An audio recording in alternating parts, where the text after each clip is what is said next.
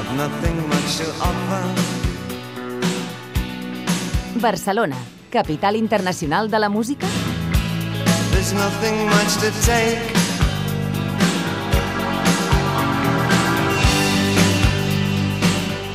I'm an absolute beginner.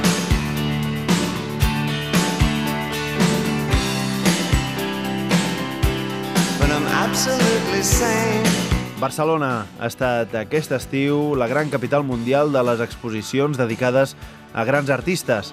La més important, la de David Bowie Is, al Museu del Disseny, que va rebre més de 100.000 visites i que va coincidir amb Bjork Digital, al CCCB, sobre la realitat virtual i l'últim treball de la cantant islandesa, una exposició que va coincidir amb la sessió de DJ que va fer al Sonar. Bowie, Bjork i també Brian Eno, que va inaugurar una mostra menys ambiciosa però molt interessant a l'Art Santa Mònica. Barcelona s'ha consolidat doncs aquest 2017 com una de les grans ciutats musicals del planeta on a més s'ha imposat una nova tendència, els concerts sorpresa. Com el que realitzaven els nord-americans Foo Fighters a la Sala Bars, una actuació de més de 3 hores que se celebrava només 24 hores després que publiquessin el seu nou disc, Concrete and Gold.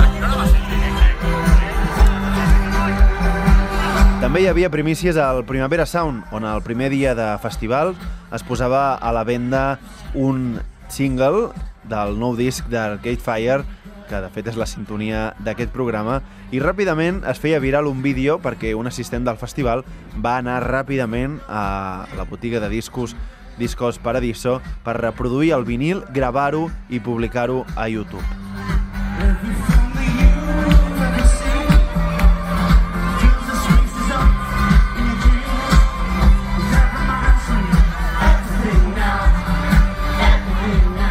L'endemà, els mateixos Arcade Fire actuaven per sorpresa a un nou escenari del festival que també va acabar programant de forma inesperada els grups Mogwai i Haim. I per uns moments feien que el públic oblidés la dolorosa cancel·lació d'un dels protagonistes del 2016, el nord-americà Frank Ocean, un home que, tot i això, ha seguit publicant música nova o col·laborant a discos d'altres artistes aquest 2017. Do you slide on all your nights like this? Do you try on all your nights like this? I might. Put some spotlight on the slide.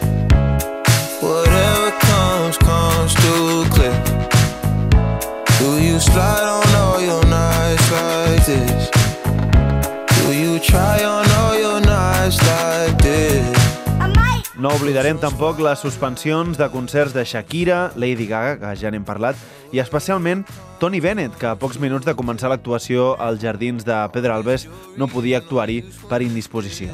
Ni tampoc els que van decidir passar de llarg, com el raper Drake, que va fer gira europea i segueix encara sense actuar ni a Catalunya ni a l'estat espanyol.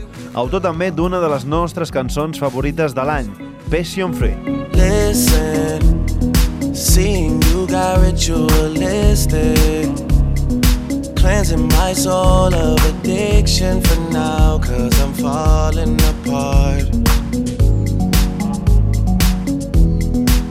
Yep, tension between us just like picket fences. You got issues that I won't mention for now, cause we're falling apart.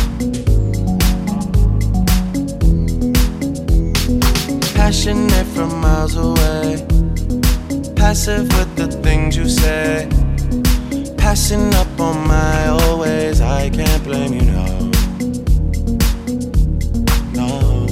I acabem aquesta part del resum de l'any fent un repàs de les 10 grans cites musicals de l'any. No són els millors concerts, però sí aquells esdeveniments que quedaran per sempre pel record. Sting. 21 de març i 6 de juliol. Sant Jordi Club i Jardins de Pedralbes. L'ex-líder de The Police torna a l'essència de la banda amb un doble sold out a Barcelona. Raimon.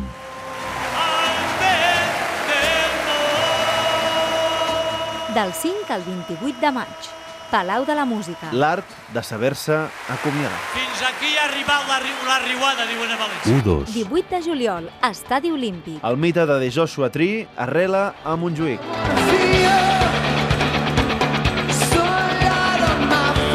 Rubén Blades. 19 de juliol, Poble Espanyol. Adeu a la salsa, però no a la poesia.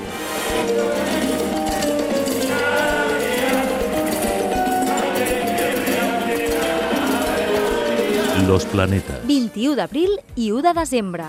Sala Apolo i Sant Jordi Club. L'univers és una festa.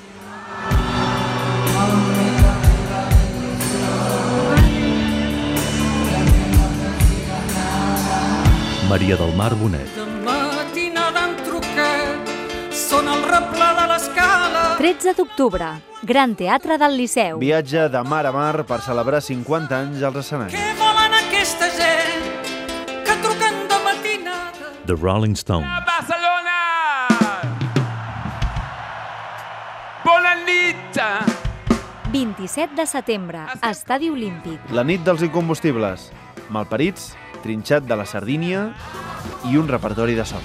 Lord. 9 d'octubre, Sant Jordi Club. Debut a Barcelona d'una de les protagonistes de l'any, Llum Verda, el melodrama.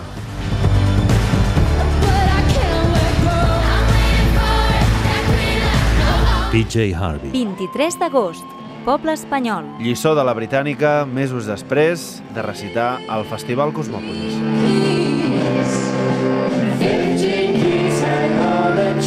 Elton John. 3 de desembre, Palau Sant Jordi. Cant a l'amor amb una gran festa de hits i balades marca de la. Hola, què tal? Soc el Ferran Palau de Nímic.